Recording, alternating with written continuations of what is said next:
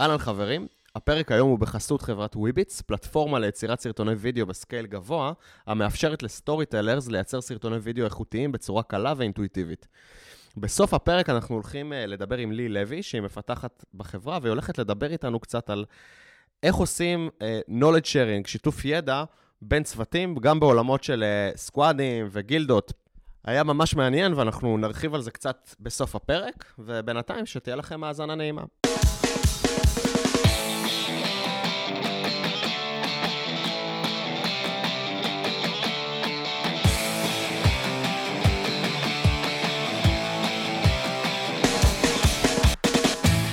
בוקר טוב, ברוכים הבאים לפרק מספר 72 של מפתחים חסרי תרבות, שישי למרץ 2019. בוקר טוב, גל צלרמייר. בוקר אור אבי עציוני, מה העניינים? בסדר גמור, מה איתך? לא רע. וגם בוקר טוב ליובל פמפר. אהלן, מה קורה, יובל? זה נכון? כן, יפה. אני תמיד שואל אם אני מבטא את זה נכון. אה, יובל, אתה VP R&D היום אה, בחברת אינוביד, נכון? נכון. אנחנו עוד שנייה נשמע קצת אה, יותר על קורות החיים שלך, אבל בואו נדבר ישר על, על מה אנחנו הולכים לדבר היום. אז היום הגעת לדבר איתנו על אה, No Code Ownership. אה, נכון. חוסר אה, צוותים בלי בעלות על, אה, על קוד. אה, תאר לנו מה האמילי שלנו להיום. גל, אתה זוכר מה זה אמילי? אמילי זה וויפם, לא? זו המילה. החדשה לוויפים, המילה העברית לוויפים. אז מה אוקיי. יצא לי מזה? אה, אז יוצאים מזה כמה דברים מאוד טובים לדעתי. קודם כל, המפתחים יכולים לקחת פיצ'ר מההתחלה עד הסוף, אה, בלי תלות באף אחד, בלי לחכות לאף אחד. מה שבין היתר אה, מחבר אותם גם, או מאפשר להם להתחבר הרבה יותר חזק למטרה העסקית של המשימה. אה, ומעבר לזה, מאחר ואני מנהל הרבה שנים, אה, אז אני גם רוצה לדבר על הוויפים למנהלים. אז מעבר לזה שהם מקבלים מפתחים אה, יותר שמחים ומאותגרים, וגם איכות קוד גבוהה יותר, למרות שזה נשמע אולי קצת counter intuitive, יש להם חיים הרבה יותר קלים ופשוטים כשהם מתכננים משימות. לא צריך עכשיו לראות מי יודע לעשות מה, אלא כל אחד יכול לעשות הכל. זה מעולה. מגניב, אז לפני שאנחנו צוללים לעניינים, תספר לנו קצת עליך, מי אתה, מה אתה. אז אני מנהל את, אה, את הפיתוח באינוביד בשש וחצי שנים האחרונות. אה, התחלתי את הקריירה שלי בכלל בפיזיקה, אני בוגר תלפיות, התעסקתי בכל מיני דברים שקשורים לל"א בצבא. ו... ל"א? לוחמה אלקטרונית, סליחה. אה, ואחרי ש... שהשתחררתי והשלמתי את התואר שלי בהתפשטות גלים באלקטרוניקה פיזיקלית, איכשהו נגררתי לעניין הזה של פיתוח תוכנה, שהחזיר אותי אחורה לדברים שעשיתי עוד בתור ילד. כתבתי פעם ראשונה קוד אה, בשנת 81, הייתי בן 11, על מחשב רדיו שק TRS-80, וואו. עם טייפ כזה וקסטה, מישהו מכם יצא לו לעשות את זה? לא. שמעתי על קסטות. זה אני גם... זה ב-81 אגב- עוד אפילו לא הייתי בשש. אה, אוקיי, סבבה. וזה מאוד מאוד אה, שווה אותי, ובאמת, אני נורא אוהב את זה. אחד מהדברים שאני הכי אוהב בתחום הזה זה המיידיות שבה רואים את הדברים שאתה עושה, אתה לא צריך לחכות. אה, אחרי כמה שנים ארוכות בצבא, שכל פרויקט זה שנים ארוכות, זה היה שינוי מאוד מרענן. אה, ועשיתי אה, מספר לא קטן של תפקידי אה, סמנכ"ל פיתוח, גם בחברות גדולות, גם בחברות קטנות. התחלתי את הקריירה שלי ב... החברה הרצינית הראשונה שעבדתי בה הייתה אפרת, שהפכה להיות לימים קונברס, זיכרונה לברכה, בשיטות פיתוח מאוד מאוד קונבנציונליות ומסורתיות, waterfall וכולי, ולמזלי הרב, יצא לי להיחשף די מוקדם בקריירה שלי לרעיונות שאחר כך קראו להם agile. אה, פעם ראשונה שנתקלתי בזה, זה היה Extreme Programming, וקראו לזה Lightweight Software Development Methodology. מתי זה היה בערך? זה לדעתי היה ב-99. מאוד מוקדם. באלף כן, הקודם. באלף הקודם. מילניום אה, הקודם. ולמרות שלפני זה עבדתי לגמרי אחרת, כשראיתי את זה, הבנתי שוואלה, זה משהו שצריך לנסות ולראות איך זה עובד, כי זה כנראה, יש לזה פוטנציאל, ו-I've never looked back. אמ, זהו פחות או יותר, והיום אתה באינוביד כבר אה, כמה זמן? שש וחצי שנים? שש וחצי שנים. שש וחצי שנים, ו- ומה אתם עושים באינוביד? אז אנחנו הפלטפורמה המובילה בעולם לפרסום בווידאו דיגיטלי. אנחנו נותנים שירות למפרסמים. אה, כל מה שהם צריכים בפן הטכנולוגי אה, שקשור לפרסום בווידאו דיגיטלי באינטרנט, החל מה setup של הקמפיינים, הגשת הפרסומות, איסוף הנתונים, analytics. אה, חברה שהוקמה על ידי צביקה נטר, טל חלוזין וצחי זיגדון, שלושה חבר'ה מדהימים ומשכמה ומעלה. אה, וב-DNA של החברה, אה, אנחנו עובדים בצורה מאוד, אה, אנחנו חברה שאין בה בולשיט כמעט בכלל, לפחות מנקודת המבט שלי. כולם אומרים את זה. כן, אבל אני יכול לתת סיפור שמדגים את העניין הזה, זה איך גייסו אותי לאינוביד. אני הגעתי לאינוביד דרך גילי רענן ו, ושמי לוי מסקויה, אחרי החברה הקודמת שעבדתי בה, שהיה סטארט-אפ שנסגר סלאש נמכר. ואני זוכר שדיברתי עם צביקה פעם ראשונה, זה היה באיזה שבת, הייתי בכרמל באיזה אירוע משפחתי, אני חיפאי במקור, ויומיים אחרי זה הייתי באינוביד יום שלם, ראיינו אותי אה, מיכל ועופר שעובדים איתי עד היום, וצחי, ובערב אה, התקשרו אליי, אמרו לי, טוב, אנחנו בעניין, האם אתה, אם אתה בעניין, האם אתה יכול מחר בבוקר לעלות על טיסה לניו יורק להיפגש עם צביקה? אז uh, מה שאמרתי, כן, נסעתי, וביום רביעי, זאת אומרת, הגעתי לניו יורק, היה יום שלישי לדעתי, רביעי נפגשתי עם צביקה, בסוף היום סגרנו את העניינים, וזה זה סיפור קטן, אבל הוא מעיד הרבה על איך, איך דברים עובדים אצלנו. מגניב מאוד. אה, אז, אז בואו בוא נתחיל להיכנס לעניינים, אז מה זה בכלל No Code Ownership? אה, אז אולי קודם כל נדבר על מה, בוא, בוא נדבר קודם כל על מה זה Code Ownership. מה זה Code Ownership? Code Ownership זה הדבר הכי ברור מאליו לדעתי, שבו יש אה, למפתחים או לצוותים אחריות על קומפוננטות בקוד. כן, זה כשאתה בא אה, לנהל פיתוח תוכנה, אם אף אחד לא אומר לך שום דבר, זה נראה לי הדבר הכי, הכי straight forward, כן, הכי אינטואיטיבי לעשות. לא אחריות, בעלות. בעלות. בעלות, כן. כלומר, יש לי קומפוננטה, אני או הצוות שלי אחראים עליה, אף אחד אחר לא נוגע בה. כל, מה ש... כל שינוי שרוצים לעשות, אנחנו עושים. ומה ואז... מה, מה מפריע בזה? מה, למה זה בעיה? אמ, בואו בוא נדבר רגע על איך, אה, על פיצ'ר נורמלי. כן, חברה ש... אה, ארגון פיתוח, בסופו של דבר, בדרך כלל עובד לפי פיצ'רים שמגיעים מה business. כן, זה, בשביל זה הוא קיים. כן. גם הדברים שלא עושים אותם בשביל ה business, בסוף המטרה הסופית שלהם היא לשרת את ה business. Mm-hmm. ואם יש לך, נגיד, קומפוננט ה-A, B ו-C, ויש לך פיצ'ר מסוים, שנפרס על שלושת הקומפוננטות האלה, אז עכשיו אתה צריך להתחיל אה, לנהל את הדבר הזה. רגע, האם יש מישהו שיודע לעשות את השינוי בקומפוננט B שפנוי? סבבה, פנוי, על הכיפאק. עושים את A, B ו-C, עושים אינטגרציה, עד שהדבר הזה יוצא. יוצאת הנשמה. אבל תגיד, לא, זה לא נפתר כל הסיפור הזה על ידי מתודולוגיות אג'יליות כמו סקראם למשל, שבו ה- ה- בתוך הצוות יש לך... אמ, כל הפונקציות. כן, בצוות אחד יש לך פונקציה שיודעת לעשות front-end ו back-end, או קומפוננטה A וקומפוננטה או... B וקומפוננטה C, ו... או DevOps, או כל, כל מה שצריך. כן, כל מה שצריך בשביל לדלבר פיצ'ר end-to-end. אה, אז זה לא פותר את זה? לא, זה לא פותר את זה כי יש capacity מוגבל, נכון? לכל פיצ'ר. לכל, סליחה, לכל uh, component owner, לא לכל פיצ'ר. וה capacity המוגבל הזה גורם לזה שתמיד ייווצר איזשהו תור. עכשיו, כשאני התחלתי uh, לנהל פיתוח והייתי מתעסק רוב היום שלי בגאנטים, ולא יודע, שמעתם פעם על תורת האילוצים ו-Q-Theory וכל מיני דברים מגעילים שכאלה, אז בוודאות אתה הולך בסוף uh, להיכנס לזה, כי יש לך capacity מוגבל לעבוד על component מסוים, ואם ה-capacity הזה מלא, אז עכשיו אתה צריך לחכות. אתה צריך לעשות גם את ה planning הזה, כן?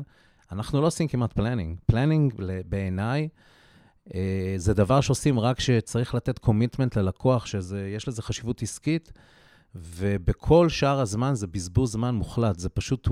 Mm-hmm. אז אנחנו ממש משתדלים לעשות כמה שפחות planning. אחד מהדברים ש...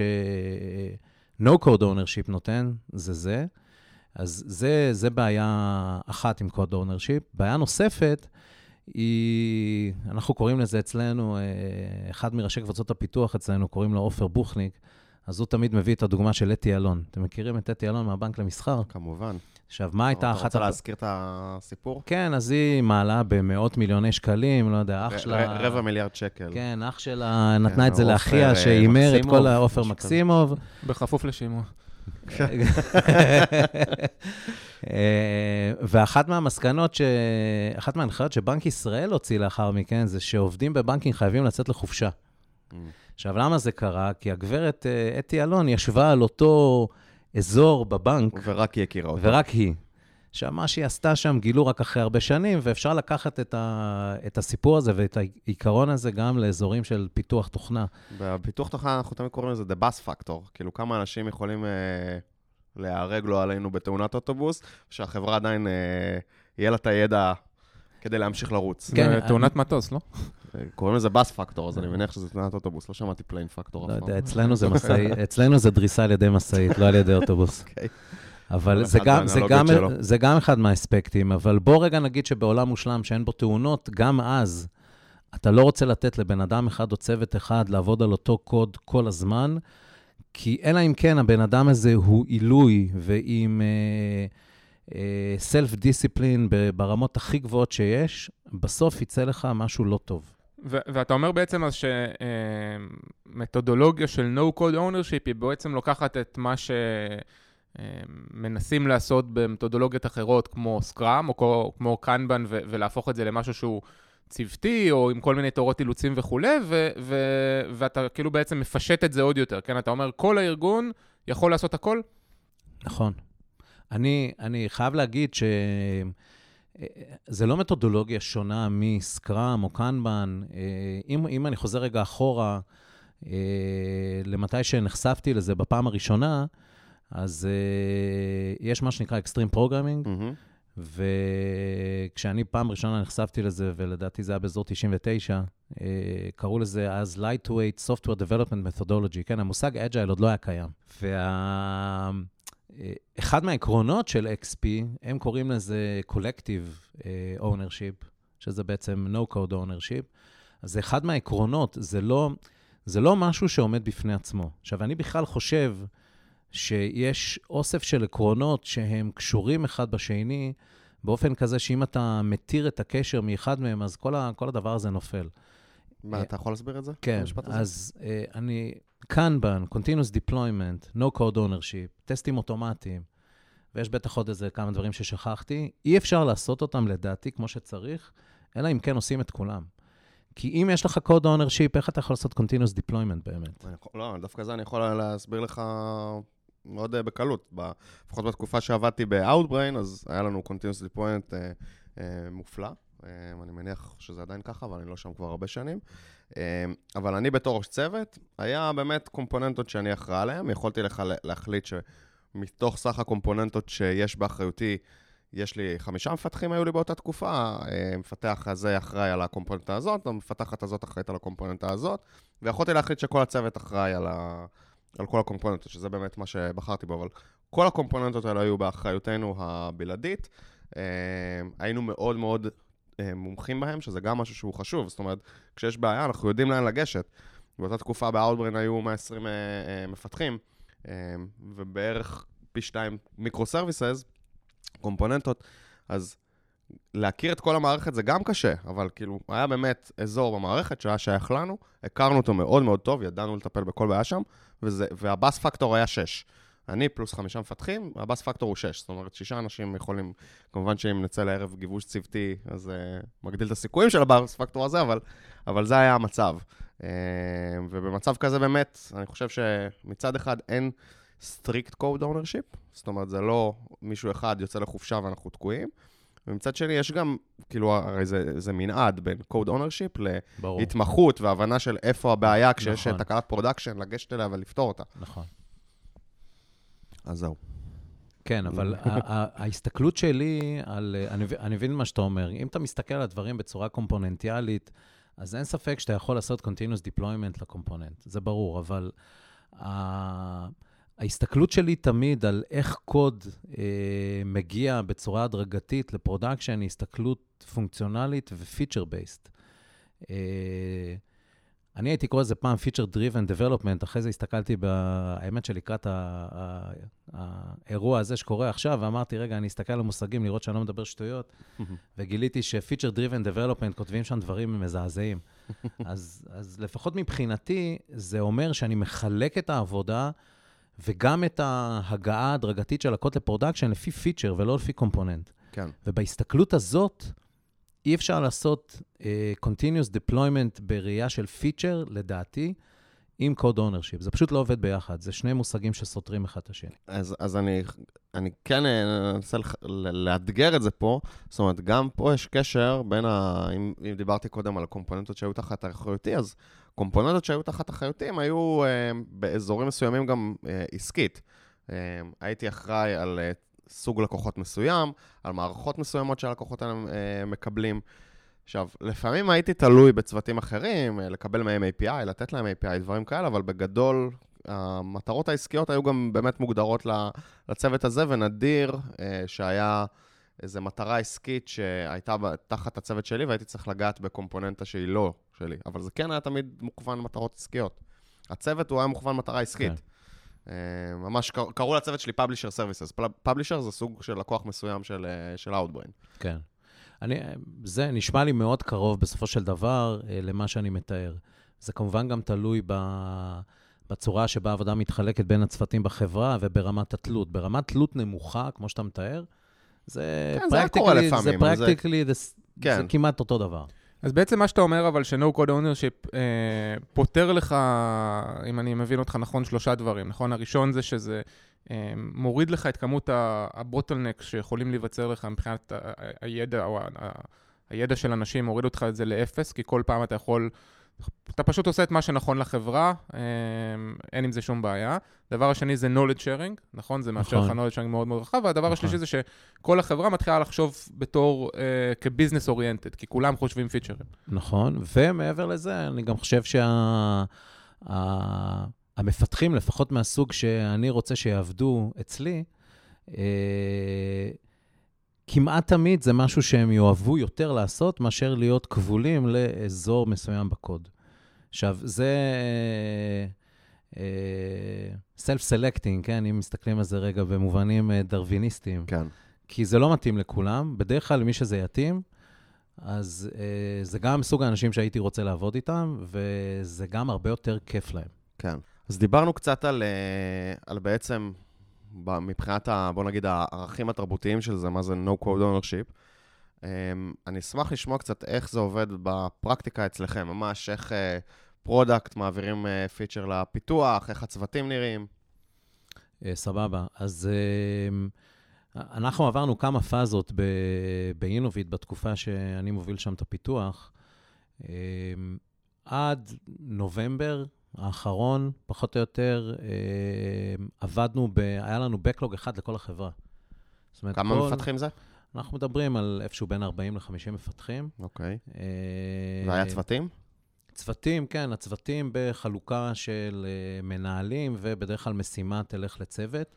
ש- אבל אבל- זה לא צוותי front-end, back-end. לא, לא, זה- ממש לא. אין, אין אה, front-end פשוט מחליטים, הפרויקט הזה הולך לצוות הזה. מה ו- שבטופ פריוריטי, ויש אנשים פנויים, אז זה ילך או למפתח בצוות, או לכמה אנשים בצוות, או לכל הצוות.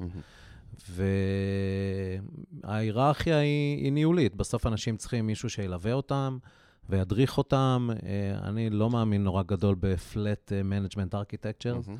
אולי בגלל שאני זקן, אבל אה, לא יודע, לא ישכנעו אותי אחרת. אולי בגלל שאתה מנהל. אולי בגלל שאני מנהל, יכול להיות.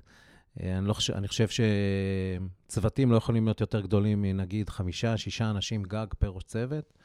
אז זו הייתה החלוקה, אה, וזה עבד לנו מאוד טוב. הייתה לנו גמישות באמת אה, מאוד מאוד מאוד גדולה. מה שהרגשנו אבל ש... שאנחנו יכולים לעשות יותר טוב, וחסר לנו במודל הזה, זה חיבור של האנשים למטרות עסקיות, בגלל שכל משימה שהם היו מקבלים, הייתה יכולה להיות מאזורים שונים. כן. ברמה עסקית, כן? פעם אחת analytics, פעם אחת Workflow, אה, פעם אחת אה, מה שאנחנו קוראים Data Driven Video, שזה Dynamic Creative. אה, גם בכלל, ככל שיש לך... אני, סבבה, אני איתך, אני גם לא בקטע של flat management, אבל ככל שיש לך יותר דרגות ניהול, אז ה- המידע למפתח שבסוף יושב וכותב את ה-feature, של מה החשיבות של ה-feature שהוא עושה, הוא הולך לאיבוד בדרך. זאת אומרת, ה-product יושב עם הלקוח, מעביר את זה אליך, ל-VP R&D, אתה מעביר את זה לראשי צוותים. כאילו, היה פה כמה דרגות של העברת מידע, שהרבה פעמים למפתח בקצה, הוא כבר לא מבין את ה-context העסקי בדיוק של מה שהוא עושה. שזה, אני חושב שזה אתגר אה, ניהולי מעניין של איך אתה מעביר את ה-context הזה, אבל, אבל בפועל זה בדרך כלל מה שקורה. זה נכון, אבל, אבל, אבל גם אם את זה היינו עושים בצורה מושלמת, עצם זה שאנשים ואני לא טוען שעשינו את זה בצורה מושלמת, או שאנחנו עושים את זה בצורה מושלמת היום, אנחנו מאוד משתדלים, אבל מושלם זה בטח לא. אה, אבל גם אם היינו עושים את זה בצורה מושלמת, המעבר של אנשים מנושא לנושא ברמה העסקית, הוא אה, לא מצליח לייצר הזדהות. אה, אני זוכר, אני עבדתי, אה, ניהלתי פעם את הפיתוח בחברת נטוורקינג שקוראים לה רדוור, mm-hmm. ואנשים היו מאוד, הייתה להם הזדהות מאוד מאוד חזקה עם המוצר שלהם. כשהייתי צריך להעביר אותם לעבוד, לעזור במוצר אחר, הם היו, זה כמעט, זה היה על סף מרד. אז היינו מאוד רחוקים מהדבר הזה, והרגשנו שאם אנחנו רגע עוצרים וחושבים איך לעשות את חלוקת העבודה באופן כזה שתחבר אנשים הרבה יותר חזק לביזנס, זה יהיה לנו טוב. עכשיו, רצינו מן הסתם לעשות את זה באופן כזה שלא ישנה את העקרונות שלפיהם אנחנו מפתחים קוד. אמ, מה זה העקרונות האלה? אה, בין היתר אה, no code ownership. אה, אוקיי. כן, העקרונות מהסוג הזה. כאילו רציתם ביזנס אפיניטי בלי קוד אפיניטי. בדיוק. בדיוק. זאת אומרת, מה שבסוף החלטנו שאנחנו עושים, אנחנו מתארגנים סביב business uh, objectives, אנחנו קוראים לזה business opportunities. זה הצוותים בעצם היום? זה הצוותים וזה... היום מחולקים לפי business opportunities. וזה צוותי פיתוח. צוותי פיתוח, שלכל צוות פיתוח יש את uh, ה-product manager שעובדים איתו, mm-hmm. והם באופן consistent-י ומתמשך עובדים על אותה מטרה עסקית. עכשיו, מטרה עסקית זה לא uh, אזור בקוד. Mm-hmm. כן? אני יכול לעשות עכשיו משהו שקשור ל... לוידאו דינמי, ואני צריך עכשיו גם analytics ספציפיים אליו, אז עושים, אה, נוגעים בכל אזור בקוד שצריך. בשביל לקדם את, ה, את ה-KPI העסקי שהצוות אחראי עליו. זה, זה, זה מאוד מעניין, ואני חושב שבהמשך יהיה לנו, אה, אבי, תקן אותי אם אני טועה, אבל יהיה לנו בהמשך פרק אה, על, אה, על איך שעובדים בג'וי-טיונס, נכון? ו-pod-ים, והם גם עובדים בצורה דומה. אל תעשה לי פה ספוילרים לפרקים עתידיים. אה, סליחה, אז תשכחו מזה. אבל אה, תגיד, אתם, כשאתם עושים את זה, אתם לא חוזרים בחזרה לבעיה המקורית שניסית לפתור, והיא גמישות אינסופית? כלומר, כרגע יש לך איזשהו... אפיניטי לביזנס, ואם עכשיו ביזנס אחר, לא יודע מה, צריך שני פיצ'רים, אז אכלת אותה. נקודה מאוד מאוד טובה.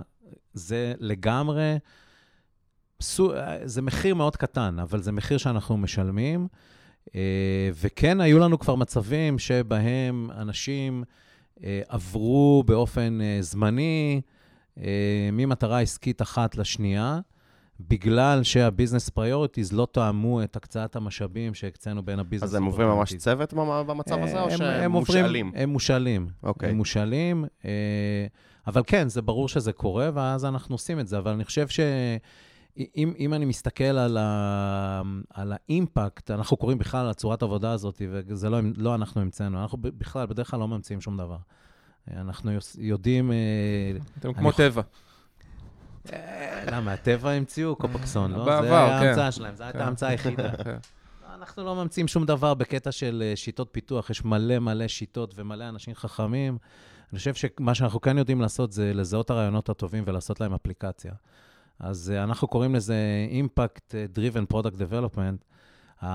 אם, אני, אם אני מסתכל, מה שעשינו את השינוי הזה, על האימפקט שזה עשה, uh, הוא, הוא מדהים, וזה שווה את המחיר הקטן הזה של מדי פעם לעשות העברות ממקום למקום. אבל המפתחים, מחוברים הרבה הרבה יותר לביזנס, והם מרגישים שמה שהם עושים עושה הבדל. כן? They move the needle. וזה משהו שהיה לנו פחות לפני שעשינו את השינוי הזה. אז, אז אחד הדברים שמעניינים אותי, אה, בהקשר הזה, אתה מדבר על זה ש-No Code Ownership, בעצם אני, אני יכול לגעת בכל קוד ש, שבחברה. באיזה גודל של חברה הדבר הזה אה, תקף? האם אם אני עובד עכשיו ב, באחת מה-corporates הענקיים, בגוגל, פייסבוק, מייקרוסופט, whatever, זה גם הגיוני לעשות את זה? שאלה מעולה. תודה. אני מניח שיש איזשהו גבול שעד אליו, בכמות מפתחים, כן, שעד אליו אתה יכול להגיע, והדבר הזה מתפרק. אה, כי, כי בעצם... אני לא יודע, אבל אני לא יודע להגיד מהו, ואני בגישה שלי, קודם כל, אני בחיים שלי לא עבדתי בכזה קורפרט. כן. אה, אבל מאיפה, מאיפה השאלה גם מגיעה? כן, זה שהבן שלי שואל אותי למה אני לא עובד בגוגל, אני מסביר לו שלא בא לי לעבוד בחברה עם עשרות אלפי אנשים. לגיטימי. אבל זה... אני. רוצה שנייה כן. להגיד מאיפה השאלה הזאת מגיעה. זאת אומרת, סטארט-אפ מתחיל, אתה יודע, יושבים אה, ארבעה חבר'ה בגראז', חמישה חבר'ה, שלושה, לא משנה. שניים. כן, לא, אפשר להמשיך את זה. כן. כאילו, לא, רק לכיוון אחד, כי אם זה נכון. 1-0... מספרים, לא, מספרים- טבעיים, מספרים טבעיים. גדולים מאפס. או שאפס זה, לא משנה. זהו, אני לא זוכר אם אפס אני זה גם טבעי לא, או לא לא. משנה. בקיצור, יושבים ארבעה חבר'ה בגראז', אין code ownership, הם כולם יושבים באותו חדר, יש ביניהם המון המון תקשורת, הם עושים מה שצריך, אה, מתקדמים מאוד מאוד מהר. באיזשהו שלב, הם הופכים להיות עשרה חבר'ה, 15 חבר'ה, אה, ה-CTO, אה, ה-founder הטכנולוגי של החברה, או whatever, כבר מתקשה לנהל את כולם באופן ישיר, ואז נכנסים למבנים של אה, צוותים. אה, זה, זה, זה נובע מא- מאיזשהו מקום, זאת אומרת, אתה ברור. צריך להתחיל לייצר אה, אחריות, אונרשיפס ודברים כאלה, אה, ואז אתה אומר, אוקיי, באיזשהו שלב, אה, הצוותים האלה כבר מאבדים את הקשר לביזנס, יש יותר מדי אה, התמחויות, אז אני רוצה לעשות no-code ownership. ואז החברה תגדל אינוביט, תהיה פתאום 100 מפתחים, האם זה עדיין יעבוד? כי שם אתה תתחיל להיכנס למקומות של אה, באגים באזורים ש- שאתה לא מכיר, כאילו יש שם אזורים שאתה צריך עכשיו להתחיל לגעת בו ולחפור בו, או שאתה תבזבז המון זמן על להבין אזור מסוים. אה, לא יודע, זה, אתה מניח פה כל מיני הנחות שבסוף צריך להוכיח אותן אמפירית מבחינתי. אני אבל לא, אני אומר אני לא. בטון מאוד מאוד בטוח, וזה גורם להישמע כאילו הן כבר מוכחות אמפירית. לא, אני, אני, אומר, לא אני, אני אומר דבר כזה. אה, א', אה, אנחנו צריכים אה, לדבר על, על מה זה עושה לאיכות קוד, כי זה גם משתמע ממה מהמם. שאתה אמרת שזה, כן, כן. שזה לא טוב זו לאיכות קוד. שאלה חשובה, גם שאלו אותה המאזינים. כן, כן, נכון, ו- ו- וצריך להתייחס לזה, וזה לא המצב לדעתי. אני, מה שאני אומר, בסופו של דבר, אה, אה, אין אמיתות מוחלטות, מהמם. בסדר? זה לא מתמטיקה, אין פה אקסיומות, אין פה, אני לא יודע להוכיח בצורה ריגורוזית שום דבר. כן. אה, מכיר כמה אנשים שיודעים להוכיח ריגורוזית מאוד יפה, יותר טוב ממני. ואני אומר, אה, לדעתי, זה, מוד, זה מודל שמבחינתי, מאז שאני עובד בו, מוכיח את עצמו. אה, אם נגיד אני מסתכל על לינוביץ' שמגיעה לאלף מפתחים, בסדר? אני אמשיך לעשות את זה עד שאני ארגיש שזה לא עובד. שזה לא עובד, ואחד מהדברים שאסור לעשות זה להיות דוגמטיים כשמנהלים. וצריך להיות כל הזמן פתוחים ו- ולהיות כל הזמן בתשומת לב למתי דברים אה, מפסיקים לעבוד או לא עובדים מספיק טוב. Strong opinions loosely held. כן, פרק קודם. אמ, תגיד, אבל רגע, אם כבר הזכרת את הסיפור הזה של, ה, של הקוד שהוא, שהוא לא... שהוא נשמר ברמה גבוהה, איך זה יכול להיות? איך ברגע שיש הרבה ידיים שנוגעות כן. אה, באותו תבשיל, כן, כן, אני מבין. חשבתי על זה בדרך לכאן, אה, היום בבוקר, וזה מזכיר לי, יש כל מיני, זה נורא מעניין שבתחום של פיתוח תוכנה, אה, יש הרבה מאוד דברים שאנשים מאמינים בהם שהם 180 מעלות ממה שהם במציאות. אה, אולי, ורגע, לפני שאני אתייחס לשאלה, אה, אחד מהדברים גם, כשאני, כשאני למשל התחלתי אה, לעבוד, אה, היינו מוצאים גרסה פעם ב... לא באינוביט, כן? כשהתחלתי לעבוד בתעשייה. כן, כן. היינו מוצאים גרסאות פעם בכמה חודשים, היו מונחים של פיצ'ר פריז וקוד פריז וסייקלים של בדיקות וכל מיני דברים כאלה. כן, ו- דיברנו על זה הרבה בשני, בשני פרקי האורחים האחרונים שלנו, אה, ו... שי ילין ורן ברזיק. וכשאתה בא והופך את זה ל... אתה אומר, רגע, אני הולך לעשות עכשיו continuous deployment לקוד, גם יש כאלה שאומרים, מה, אתה הולך לדפוק את האיכות של הקוד, אתה כן. מטומטם, איך זה יעבוד? זה קטסטרופה, כן. זה, הקטסטרופה is looming over the horizon. וזה לא נכון. ואותו דבר גם פה ב-code ownership. אה, ההנחה ש-code ownership מביא לקוד באיכות יותר גבוהה, היא פשוט לא נכונה. עכשיו, ברור שאתה לא יכול לבוא ולעשות את זה בצורה לא אחראית. אם עכשיו תיתן לכל אחד לגעת בקוד בלי שום בקרה, בלי שום אה, רשתות ביטחון, אז הדבר הזה לא יעבוד.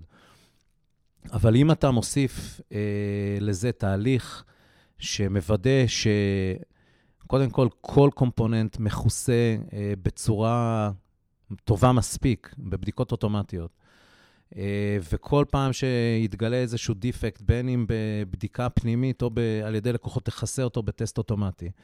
ותעשה code review, ותדאג ש-design reviews קורים בפורום של כל האנשים שמכירים את הקוד הזה. הטענה שלי, ואני מרגיש שהיא מוכחת מהמציאות שאני מכיר, שאיכות ה- איכות הקוד עולה. אבל אתה מדבר על אה, דברים כמו test-ים, דברים כאלה, שזה מדבר על איכות הקוד, באמת כמות של שבירות וכאלה, אבל זה לא מדבר על, על תחזוקה של קוד. כמה קשה ל- לגעת בקוד קיים, להיכנס אליו ולשפר אותו. תוך כדי שאתה שומר את ה-test-ים, וזה נקודה אחרת. זאת אומרת, נכון, זה שיש test-ים, זה מבטיח לך שכ-black box, הקוד הזה עובד, אבל זה, הבעיה שם יכולה להיות היעילות של הפיתוח, כי בעצם נהיה איזשהו קוד שהוא no man's land כזה, אני לא יודע, תגיד לי אתה, קוד כזה שהוא, אף אחד לא מספיק אכפת לו, כדי שברגע שסתם, אתה זוכר בווימור, היה לנו כזה, אה, הבילד היה נשבר, אם היית מעביר לפונקציה או לקונסטרקטור, יותר משבעה משתנים. אתה זוכר את זה? לא. כי זה נחשב uh, פרקטיקה מאוד גרועה, אתה אמור שלושה משתנים, אם הגעת לשבעה, אתה כבר, כאילו, הביל נשבר, זהו. וגם, ואתה, ואתה אומר, מה זה, זה לא, אני לא כתבתי, אני רק הוספתי את המשתנה השמיני, למה אני צריך עכשיו לעשות ריפקטור לכל הקו הזה? לא, הביל נשבר. ו... ואם נגיד נחזור שנייה לדוגמה שלי בתקופה שלי באוטון, בגלל שהיה לי אזור שהוא מאוד שלי וירשתי אותו והוא היה אזור בין כמה שנים, אבל בגלל שהוא היה שלי, היה לי מאוד חשוב את המקומות האלה ללכת ולעשות ריפקטור, אפילו כל פעם בקטנה, אבל זה מאוד עניין אותי, לעומת מקומות שנגעתי בהם והייתי רואה קוד כאילו, הלאה בבאללה, שאתה יודע, קוד בן חמש שנים, שכולם כבר נגעו בו, אני לא אתחיל להיכנס ולעשות לו ריפקטור, זה, זה לא האחריות המיידית שלי. Uh, לעשות לו ריפקטור, אני יכול להיכנס להרפתקה שאני אפילו לא יודע איך אני יוצא ממנה, וזה הדברים ש... שמעניינים אותי לדעת איך מתמודדים איתם. אמ, אז, אז בואו בוא נפרק רגע את, ה, את השאלה שלך לכמה חלקים. יש, קודם כל, יש את העניין של אה, להיכנס לקוד שאתה לא מכיר. אז ברור שיש פה תקורה שאתה משלם. אה, התקורה הזאת, לדעתי, שווה את התשלום, כי ה, כל ה-benefits שאתה משיג, אה, עולים בגדול על, ה, על התקורה הזאת שאתה משלם. זה גם תקורה הולכת ופוחתת. וזה גם תקורה בוודאי הולכת ופוחתת, ככל שאנשים נמצאים יותר זמן בחברה ומכירים יותר טוב כן. את הקוד. אה, איך להוכיח את זה, אני לא יודע. אני עד, עד היום לא יודע איך מודדים... זה תמיד דברים שמאוד קשה איך מודדים פרודוקטיביות של כן. מפתחים. אגב, רציתי להציע לכם לעשות איזה פודקאסט, אם תמצאו מישהו שיודע לדבר על זה. אף אחד לא יודע איך עושים את זה. כן, אני גם לא, אני, ואגב, וניסיתי הרבה, לא מצאתי לזה פתרון. אה, אז זה שאלה אחת. עכשיו, העניין הזה של No Man's Land, אה, הוא יכול לקרות, ללא ספק. זה המון עניין של התרבות שאתה מנחיל לאנשים. אה, יש את ה-boy scout rule, כן, שאתה... girl scout rule. סליחה? גרל סקאוט רול. אוקיי, סבבה, מקבל. זה הגרסה boy scout rule ב-2019. כן, כן, סבבה, מקבל. משאירים את השטח בצורה יותר נקי ובמצב יותר טוב ממה שאתה קיבלת אותו. אה, זה לתת לאנשים, זה לעודד אנשים לעשות, לפחות אצלי, בדרך כלל המלחמה היא על אנשים שנורא נורא רוצים לעשות ריפקטור לקוד שהם אה, רואים, ואז אנחנו רגע שואלים את עצמנו, אוקיי, סבבה, יש לנו זמן, אין לנו זמן, כן. אבל אנחנו כן מעודדים את האנשים לעשות את זה, ואנחנו כן מאוד משתדלים לתת להם את הזמן לעשות את זה. והתרבות הזאת שאתה מנחיל היא אה, ללא ספק חלק מאוד חשוב בשיטה הזאת. אם אתה לא עושה את זה, אז אתה יכול לגמרי להגיע למצב שזה no man's land, אה, אבל זה לגמרי doable, זה בסוף עניין של איך אתה מנהל את הדברים. אה, נגיד, אחד מהדברים שבעיניי, זה גם, האמת, יחסית שינוי של, של השנים האחרונות, מאז שאני הגעתי לאינוביד, אני תמיד הייתי מנהל פיתוח שהוא מאוד deadline driven. אה, אני חשבתי שאם יש דדליין שכולם אה, צריכים אה, להתכנס אליו, זה עושה טוב. ובאינוביט, כשאני הגעתי, הייתה, עבדו באיזשהו סקראם כזה או אחר, mm-hmm. בואו נקרא לזה ככה, ורצינו לעבור ל-Continuous Deployment, היה די ברור שעושים את זה בקנבן, ועשינו איזה סשן על קנבן עם בחור בשם יובל ירת מ-Agile שהוא אחד האנשים הכי חכמים שאני מכיר בכל מה שקשור למתודולוגיות פיתוח. ניסיתי פעם לגייס אותו ולא הצלחתי, אבל לפחות מאז אה, אנחנו בקשר ויצא לי ללמוד ממנו הרבה דברים. אה, אחד מהדברים שהוא הציע זה להוריד את הנושא של deadlines. עכשיו, אה, אם בן אדם לחוץ בגלל שיש לו דדליין והוא נוגע בקוד שהוא לא בבעלותו, הסיכוי שהוא ישאיר אחריו אדמה חרוכה הוא מאוד גדול. כן. אבי, תכף תגיד לנו באיזה מספר פרק אנחנו דיברנו על deadlines. זהו, אני ניסיתי להיזכר, זה, הפרקי בקטנה אני לא זוכר טוב כמו הפרקי בגדולה. מה זה? אה, אבל דיברנו על דדליין מתישהו. מה זאת אומרת אתה לא זוכר? כן, אני לא... רגע, רגע, תעמוד. אה, דיברנו על זה באחד מהפרקי בקטנה, על deadline-ים והחשיבות שלהם אה, כ-deadline-ים פנימיים, לעומת deadline-ים חיצוניים. אני אמצא את זה תוך כדי שאתה מדבר. אוקיי, אוקיי, אין בעיה. זה, זה אגב, זה גם שאלה נורא עדינה, כי אם אין deadlines, אז מה, אז מה, מה דוחף אנשים? אפשר לדבר על זה הרבה. כי יש גם הרבה חיובי בדדליין, זה אחד הדברים שדיברנו עליו, שלפעמים זה פשוט, זה אגב פרק 62 בקטנה 17, פתחתי, הסתכלתי. אה, לא, הפעם זה לא מהזיכרון, אני מסתכל על, על מה כתוב פה. אה, ובאמת, אתה יודע, זה יכול לשמש גם כמוטיבציה פנימית כזאת, אה, לעמוד ביעדים, לראות שאנחנו אה, התחייבנו על משהו ואנחנו יכולים לעמוד בו ולא נמרחים לנצח. כן, אני, אני מסכים, אבל, אבל המוטיבציה שבאה מזה שאתה כמפתח או כמפתחת, אה, רוצים לראות את מה שעשיתם ועבדתם עובד ועושה impact על, על משהו, על אנשים, על הביזנס של החברה, הוא הרבה הרבה יותר גדול ומשמעותי.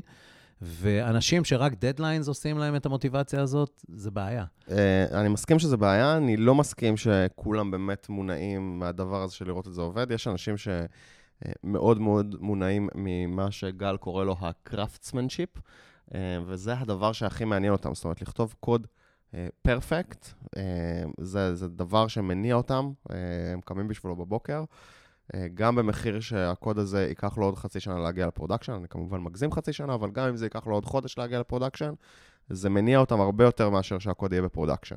כאילו, לכתוב קוד שהוא יצירת מופת uh, הנדסית. הוא הוא אמר אבל כבר בהתחלה שזה לא ה-type of uh, developer שהוא מחפש, זה נכון? כנראה לא יהיה ה-type of developer שיחזיק אצלנו מעמד יותר מדי. אבל אה, בדיוק בנקודה הזאת, אני אגיד לך מה עדיין לא מסתדר לי במודל. אה, יש היום, בטח, זה כנראה תמיד היה נכון, אבל היום זה, אני חושב, עוד יותר נכון, מין אה, מומחיות טכנית פיתוחית כזאת, שמאוד מאוד קשה אה, אה, לקבל אותה אם אתה לא מומחה. אה, סתם לדוגמה, כן, יש דברים ב-frontend, זה יכול להיות החל מ-CSS מאוד מורכב ל... אה, לא יודע מה, אה, ודברים ב-backend שהם, אתה יודע, עוד יותר מורכבים מזה, ודברים שקשורים ל- אה, ל- ל-DevOps ול-SRE, שאתה צריך שם אנשים שכל מה שהם יעשו, זה ידעו לעשות את זה מאוד טוב, אחרת אתה פשוט לא תצליח להביא את, ה- את, ה- את הטכנולוגיה שאתה צריך ל- למקומות ל- האלה. לרמה המצ'ור. אה, אני, אני, אני אפילו ארחיב על זה, דיברת על, על אה, אה, לא לקחת כזה שום דבר כמובן מאליו, אנחנו מדברים פה הרבה על דברים של קיצוניות בדעה, strong opinions loosely held, ובעצם ברגע שאנחנו אומרים, אנחנו רוצים רק סוג מסוים של מפתחים בחברה, זה בסדר, אני גם יותר שואף שהמפתחים בצוות שלי יהיו יותר כזה פול סטק, נוגעים בהכל, רוצים לגעת בהכל, אבל למדתי על בשרי את הצורך בהתמחות, אה, אה, באוריבי הייתי, כאילו, היה לי מישהו שהוא מאוד מאוד מובחר frontend, שהיה מאוד קשה להתקדם בלי המומחיות הזאת. כי כולם ידעו לעשות frontend, אבל מישהו שהוא כזה יותר ארכיטקט frontend, או מישהו שהוא היה לי גם ארכיטקט backend כזה, שבלעדיהם היה לי מאוד מאוד קשה לפתור בעיות מאוד קשות שהיו לנו. אז צריך איזשהו שילוב בצוות. כן, לי באופן אישי יש אלרגיה למושג ארכיטקט, אבל אפשר לא, לדבר לא על משנה, זה. ארכיטקט קונספטואלי, לא... כן, אני מבין. אדריכל. כן. אדריכל, כן. היה פעם לא, כזה דווקא סרט, ב- אה, קרס דווקא של. ארכיטקט, לא יודע אם ראיתם פעם. כן, לאו דווקא ב-title, אני כן, מדבר על מישהו שמבין מבין. את המהות, את הקרביים, את ה-under the כן. engine. אני חושב, אה, בוא נגיד את זה ככה, ה- אם אני מסתכל אה, ספציפית למה שאנחנו עושים באינוביד, אה, המקום היחיד שבו זה באמת אולי מתקרב למה שאתם אומרים זה frontend. אמ, עכשיו, באופן טבעי, אה, המודל הזה הוא, הוא לא מושלם, ובסוף אנחנו גם אה, אנשים שקולים ופרגמטיים.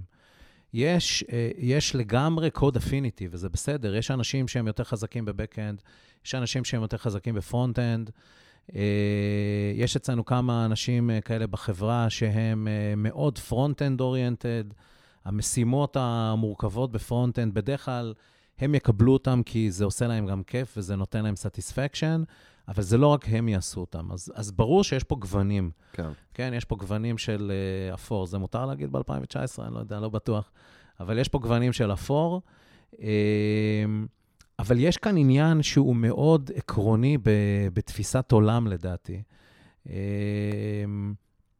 אני, אה, אני אגב לא למדתי מחשבים, כן? אה, אני למדתי פיזיקה ומתמטיקה.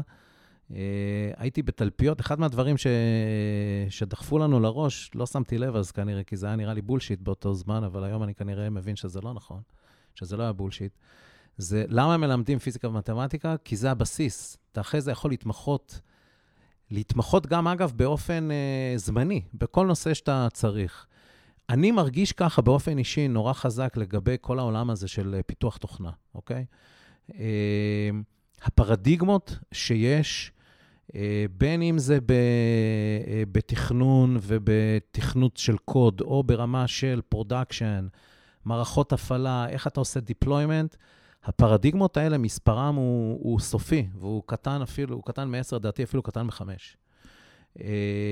והיכולת להבין את הפרדיגמות ולעשות להם אחרי זה התאמה כל פעם ל-stack הטכנולוגי שמשתנה חדשות לבקרים, זו יכולת בעיניי הרבה יותר חשובה, וגם פרקטית היא הרבה יותר באה לידי ביטוי ב- בימינו, מאשר התמחות באיזה stack מאוד מאוד צר. כן, יש מישהו שהוא מומחה אלוף העולם ב-Angular, אבל אופס, שבוע אחרי זה יוצא React, עכשיו צריך ללמוד React. אז זהו, נגיד מישהו כזה, הוא, הוא יהיה מומחה ב-frontend, לא ב-Angular. סבבה. הוא, הוא ידע את הדברים כמו של איך אני עושה breakpoint נכונים, מה המשמעות של, אה, לא יודע, כאילו, כל, כל property ב-CSS, שזה משהו שלא משתנה חדשות לבקרים, איך זה משפיע, איך, איזה בעיות עשויות להיות לי בביצועים, בכל מיני דברים ש...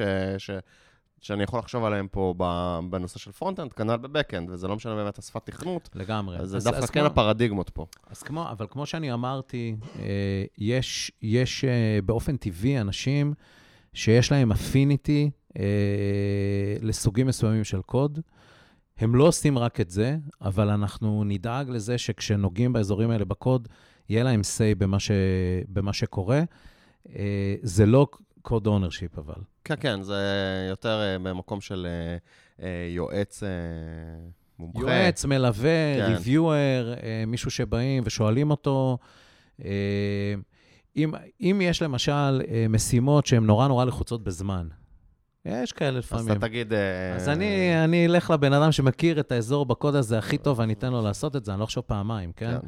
בסוף... אה, לפעמים הביזנס אה, מנצח בקטעים האלה. לגמרי, ואגב, וההפך של זה הוא שאם יש, אחד מהדברים שאנחנו אה, נוהגים לעשות, זה לייצר knowledge maps, כן? אפרופו הבאס פקטור שלך, אנחנו כן. מודדים את הבאס פקטור על כל אזור בקוד. ואם אנחנו רואים שאו, רגע, יש פה אזור שאין לנו מספיק ידע בו, אז אנחנו גם uh, בכוונה בכוח, ניתן uh... לאנשים שלא מכירים כן. אותו לעבוד על זה בשביל להגדיל את הפקטור. אז זה משתנה, זה יכול להיות או השיקול של ה-time to market, או לחילופין השיקול של ה-knowledge coverage. מגניב. יובל, אתה יכול אולי uh, לתת לנו כמה טיפים לאיך להתחיל את כל הנושא הזה של no code ownership? Uh, כמו בכל דבר, uh, צריך להתחיל בקטן, לדעתי. Uh, כשעבדתי ברדיו, היה לנו אה, איזה יועץ ארגוני כזה, בן אדם סופר חכם, שהיה תמיד מביא לנו מאמרים מהרווארד ביזנס ריוויו, ושם, אני לא, לא זוכר אם זה היה מזה, אבל יש משהו שנצרב לי במוח מאז, זה נקרא RRI, Rapid Results Initiative. ומה שזה אומר, תתחילו בקטן, תתחילו מקומפוננט אחד. אה, אם אין לו כיסוי בטסטים אוטומטיים, קודם כל תתחילו, אי אפשר לעשות no codership בלי טסטים אוטומטיים, זה תנאי הכרחי. תתחילו מזה, תוסיפו לזה לאט-לאט אנשים, תראו שזה עובד, אה, תייצרו הצלחה ותחוו אותה, וברגע שאנשים יראו את ההצלחה הזאת, זה מדבק. אני חושב גם כאילו דברים יותר אה, תרבותיים, אתה יודע שככה, תוך כדי שאתה מדבר, אז דברים שהייתי מנסה לעשות כדי לייצר את זה, אז uh, יותר uh, שילוב, uh, אם, אם באמת יש לכם צוותים שיש בהם code ownership, הייתי הולך לכיוונים של force עם קרוס צוותי, או student exchange שדיברנו פה בעבר, שמישהו עובר לצוות אחר לכמה זמן, ואז הוא יכול להביא ידע, ושהצוות שלו יעשה פיצ'ר שבדרך כלל היה משוייך לצוות אחר, ואז הוא כזה... עושה אוסמוזה של, ה... של המידע מצוות אחר לצוות שלו, והם יכולים פתאום לקחת פיצ'ר שפעם לא היה בדומיין שלהם. אה, סבבה, שאלות מהקהל? כן, בואו נתחיל מטוויטר, שם הכל קורה. אה, בלנק שואל, שאלה שקצת שאלנו, אבל בניסוח קצת אחר, האם הנושא הזה של חוסר בעלות על קוד יכול לעבוד גם במקרה שבו הצוותים הם distributed ועובדים במדינות שונות, נגיד בישראל ובהודו, על אותו מוצר? שאלה מצוינת. אה, אין לי, אין לי ניסיון עמוק בזה, ניסיתי את זה כמה פעמים. אה, ב-scale קטן, אני חושב שזה עובד פחות טוב. אני בכלל, באופן אישי, אה, אה, נורא מאמין וגם נורא משתדל שיהיה co-location שמפתחים, ובמודל distributed, לדעתי, יהיה הרבה יותר קשה לעשות את זה. סבבה. משה כץ שואל, האם אתה חושב שהשיטה הזאת היא טובה בכל יכול לעבוד בכל חברה, או זה נכון רק בחברה שהיא, לא יודע, באינוביד? לדעתי זה יכול לעבוד אה, לגמרי בכל חברה. אה, כל עוד אנחנו, אנחנו אה, עוסקים ב, בפיתוח תוכנה אה, אפליקטיבי, אוקיי? נגיד אם יש לנו נושאים, דברים שיצא לי גם אה, לנהל, ב, בין אם בעבר או בהווה, אה, כותבים קוד אה, DSP, כן? Digital Signal Processing, ואתה צריך אנשים שמתמחים בזה, אתה לא יכול לתת את זה לכל אחד. אותו כנ"ל אה, Machine Learning, אה, אבל ב, כשאנחנו דנים בפיתוח אפליקציה נטו, לדעתי זה אפליקבל לכל חברה. סבבה. אה, חנוך שייביץ, אז הוא, הוא מדבר על משהו שקצת דיברנו עליו, אבל הוא, הוא אומר, בצד היתרונות של חוסר בעלות, בעלות על קוד, הוא כותב, אני בעד, עלולה להיות סכנה של קוד ברמה נמוכה, דיברנו על זה. הפתרונות שהוא מצא לזה זה קוד ריוויו ואחריות אישית. אה, איזה עוד כלים היית ממליץ, אם בכלל? אה, דיברנו קצת על טסטים, יש עוד אה, משהו יש שלא דיברנו עליו? אה, יש משהו שהוא אינהרנטי במודל, וזה זה שהקוד נחשף להרבה אנשים. אה, מפתחים בדרך כלל מקטרים על קוד שהם רואים שלא הם כתבו. כן, ויש גם כאלה שמקטרים על קוד שהם כתבו לפני יום. כן. אה, החשיפה הזאת, אם אתה עושה את זה בצורה אה, מבוקרת ו- ונאותה, וגם נותן לאנשים את הזמן ומעודד אותם לעשות refactoring לקוד לא טוב שהם רואים, גם זה עוזר. כן, זה נורא גם חשוב. יכול אה, להיות אה, כזה pitfall, שבגלל שמפתחים נוהגים אה, אה, תמיד לקטר על קוד שהם לא הם כתבו, או הם כתבו פעם, אז זה גם יכול להיכנס ל-refactor ועוד refactor ועוד refactor שהם אה, לא נחוצים. ישנה. עצירה, אבל. מה? ישנה עצירה. מה? לא יודע, קוד טוב. אה, כן. אה, זה אתה לא תצליח לשים כמה מפתחים בחדר ותשאל כל אחד מהם אם זה קוד טוב, כל כל אחד יגיד, אם הוא לא כתב את זה, הוא יגיד שלא. בשביל זה צריך מנהלים שבסוף חותכים, כן? בלי זה זה לא עובד. כן. יש פה שאלה ממש מעניינת בעיניי של עומר לוי חברוני, שאנחנו, לא- אני לפחות לא חשבתי על זה לפני זה, אבל איך אתם מתמודדים עם תקלות? כלומר, יש עכשיו אלרט על תקלה, ואין בעלות, בעלות על שירות ספציפי, אז מי מקבל את האלרט הזה? על אלרטים יש בעלות. אוקיי. על alert ים אצלנו יש בעלות. זה יש לא ל- גורר, אבל אם עכשיו יש לי, אל- אה, אה, לא יודע מה, alert, אה, יש לי בעלות על alert ש איזשהו service נפל, אז זה לא גורר באופן מיידי שאותם אנשים הם כבר אה, יהיו עם בעלות על ה service? לא.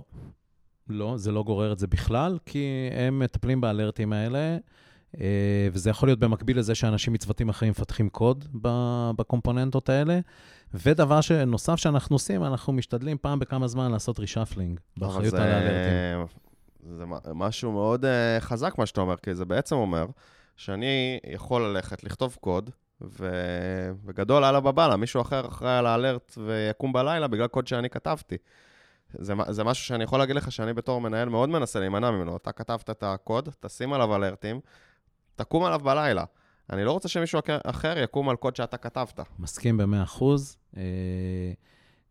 אם זה קורה, קודם כל, בדרך כלל, אם לוקחים, עכשיו עושים שינוי גדול, אם יש צוות שמקבל אחריות על פיצ'ר שדורש שינוי בקומפוננט מסוים, אה, אנחנו אה, מדי פעם אה, נחליט גם שזה גורר לקבל אחריות על האלרטים על הקומפוננט הזה, כי זה לא יכול להיות. מה שאתה, מהמם.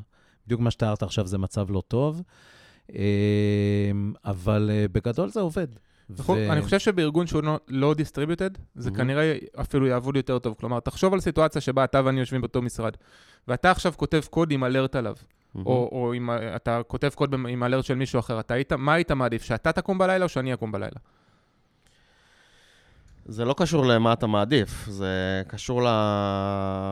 אני חושב לאיזשהו mindset מסוים של אחריות, שברגע שאתה כותב, אתה עושה שאח- את הפאוזה הזאת לפני שאני... נכון, והפאוזה הזאת תהיה יותר חריפה, אם אתה תגיד, וואו, זה עלול להעיר מישהו אחר בלילה. אני לא בטוח שאתה מספיק... אה, אה, תחשוב על זה שזה אמור ל... אתה לא תחשוב על זה פעמיים, זה לא, זה לא בא מרוע או משהו כזה. אתה פשוט... בפעם הראשונה לא, אבל בפעם, אתה יודע, אם אתה היית, אם אתה היית עכשיו מעיר אותי בלילה, כן, ו... אה, גם זה תלוי. אה, אחד הדברים שחוויתי לאחרונה זה שאנשים שקמים בלילה, אנשים אחרים לא יודעים מזה. ואז אה, אתה, זה לא מספיק אכפת לך, כאילו, אתה לא... כן, זה- האימפקט זה של עניין זה אחר. הוא לא מספיק קרוב אה, אה, אליך בשביל להבין בכלל מה, מה קרה פה. אם אנשים קמים בלילה ולא יודעים מזה, זה בעיה אחרת. לא, אנשים מסוימים קמים בלילה, אחר כך הם עושים root cause analysis, אה, בודקים מה קרה. אפילו משפרים את המערכת, אבל מי שכתב את הקוד לא תמיד מודע לזה שבכלל מישהו קם בגללו בלילה, וזה משהו שבדיוק מעודד את התרבות הזאת. יש, אבל, אבל אה, שוב, אם אני, אם אני רגע מסכם, יש לנו בעלות על אלרטים. אם מישהו כותב עכשיו אלרט חדש, הבעלות על האלרט הזה, כשהוא חדש, היא עליו. כן. Uh, האלרט על קומפוננט מסוים, אם מישהו, אם מישהו או צוות עושה בו עבודה משמעותית, בדרך כלל גם יעבור אליו. Uh, ספציפית, אגב, אם יש תקלות קשות באינוביט, זה מאיר את כל המנהלים. כולם מקבלים אס.אם.אס. ואז כולם סובלים מזה, ומחר בבוקר... Uh, ואז כולם סובלים מזה. אגב, פעם אחרונה שהיה צריך... מחר בבוקר פוסט מורטם ומטפלים בזה. פעם אחרונה שהיה צריך להעיר מישהו, העירו רק אותי. זה איכשהו ככה יצא, וידעו על זה, זה בסדר. מגניב. טל ג'ופה, יופה? שואל, במידה ויש אלמנט full stack י לקוד, איך מכשירים full stack ים אמיתיים ואיך מייצרים עומק טכנולוגי אם כולם נוגעים בהכל ומחליפים כל הזמן. אז נראה לי על העומק הטכנולוגי דיברנו קצת, איך מכשירים full stack ים אמיתיים קצת פחות. אני חושב שהמפתח לזה, ב Innovid אנחנו עושים שני דברים. אחד, יש לנו תקופת onboarding יחסית ארוכה. אנחנו נותנים איפשהו בין חודש לחודשיים לאנשים לעשות איזה overview. על כל הטכנולוגיות שאנחנו נוגעים בהן. כמובן שזה לא מספיק, כן? כי עד שאתה לא נוגע באמת בקוד, זה, כן. לא, זה לא זה. ונותנים לאנשים את הזמן להיכנס אה, כמו שצריך לאזורים חדשים בקוד. אין, אין דרך אחרת. מגניב. אה, איך מנהלים, אה, אלכס גלמן שואל, איך מנהלים אה, tech debt, חוב, חוב טכני? אה, שאלה מצוינת. יש לנו אה, רשימה אנחנו עושים אה, NFT Days, אנחנו קוראים לזה. מה זה NFT? NFT זה Non-Functional Task, זה mm. מילה, דרך אחרת לתאר אה, Technical Debt. כן. ואם יש Technical Debts שאנחנו חושבים שהם מאוד מאוד משמעותיים, אנחנו נדאג שהם יטופלו והם ייכנסו ל priorities של, ייכנסו ל backlog של המפתחים. הרבה פעמים זה קורה גם מתוך אה, ראייה אה, עסקית של משימה. אה, אנחנו משתדלים, דברים שאנחנו לא בטוחים בהם, להביא כמה שיותר מהר ל production, כדי שנוכל להתחיל לקבל פידבק. ואז בדרך כלל ה technical debt שנוצר הוא מאוד מאוד גדול. אם אנחנו רואים שהדבר הזה, יש לו traction ומתחיל להיות לו usage מאוד גבוה, אנחנו נעצור ונתקן את הכל לפני שאנחנו מתקדמים. אה, זה משהו שכולם מבינים, חיים עם זה בשלום ברמה כזאת או אחרת, אבל בסוף זה גם נורא עניין של משמעת עצמית שלכם כמנהלי פיתוח, כי תמיד, מנהל פיתוח הוא תמיד עומד בסד של לחצים מכל מיני כיוונים. כן. אה, אסור להיכנע ללחצים, כי אז בסוף הבעיה שאתה תייצר תביא ללחצים הרבה יותר גדולים. אז צריך לנהל את זה וצריך לדאוג שזה קורה. טוב, אה, הגענו לסוף הפרק. יובל, תודה רבה שהגעת. היה לנו ממש כיף לארח אותך והיה ממש מעניין. כן, היה ממש מעניין, תודה. היה כיף להתארח אצלכם. נהדר.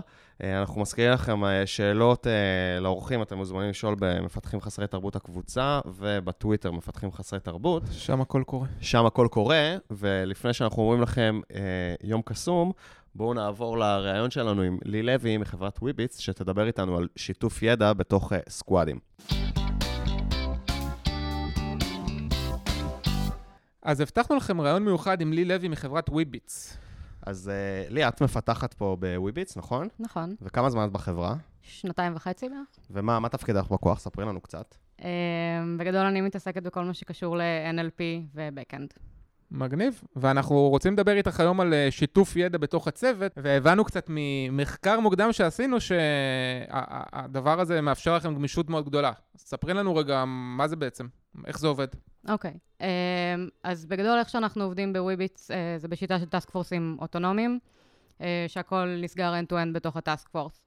ועדיין יש את הגילדות של המפתחים עצמם, יש Backend ו-Frontend. שנייה, רגע, task force זה אומר בעצם איזשהו סוג של scrum team, נכון. או משהו כזה? כן. אוקיי, אז הבנתי, אז, אז יש task force ים וגילדות? אמ, וניסינו ב Wibbitz למצוא איזשהו איזון, תמיד יש את המתח הזה של איך אתה עדיין משמר את הגילדה, למרות שהמפתחים הם פחות או יותר אוטונומיים. אה, והגענו למסקנה אה, שחשוב מאוד לעשות את השיתוף ידע הזה.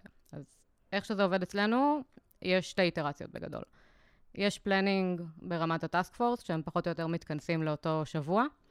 אז יש לנו ישיבה עצמה של הגילדה, שבה עוברים על כל הטאסקים מכל הטאסק פורסים, זה שומר על איזשהו sync בינינו, כולם מכירים מה ה task ים שיבואו, ואם הם צריכים אחר כך להתערב או להכניס איזשהו feature, הקוד יהיה הרבה פחות זר. או... את יכולה אז רגע להסביר לנו במילה אולי מה זה task force וגילדות? אה, אז task force זה צוות הטרוגני שבעצם מורכב גם ממפתחים, מ designer ים, מ QA, product. שהם יש להם איזו מטרה עסקית, כאילו? כן, הם בעצם אחראים על איזשהו מוצר. איזשהו מוצר. כן. והגילדות? אה, והגילדות זה בעצם השיוך המקצועי שלנו. יש גילדה של backend, גילדה של front-end.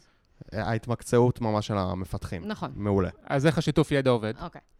אמ, אז בגדול אנחנו מקפידים לעשות לפחות שתי ישיבות, ישיבה אחת במהלך ה planning, שבה מסתנכרנים על ה task ים, אם אני נגיד בגילדה של ה backend, אז על task ים backend מה task force ים השונים. מתייעצים על דברים שקשורים ל design, זה שומר את כולם מעורבים, זה שומר את כולם מעודכנים בטכנולוגיות שמשתמשים בהם, כי ה task force ים שונים. ואנחנו מקפידים לעשות גם ישיבה של knowledge share, אמ, שהיא כבר יותר drill down, אם למישהו יש איזשהו... טאסק או איזשהו פיצ'ר נורא נורא גדול שהוא רוצה להתייעץ ולהכניס אותנו, כנראה שעוד מפתחים יהיו מעורבים בזה, אז יושבים והוא חולק את מה שהוא חקר, ואז יש על זה איזשהו דיון. אז זה נשמע לי מאוד נחמד ברמה ה... כאילו זה כיף, את יודעת, לדעת הרבה דברים ולהיות מעורב ולהבין מה אנשים אחרים עושים, אבל אה, אה, אין לזה overhead אה, מוגזם?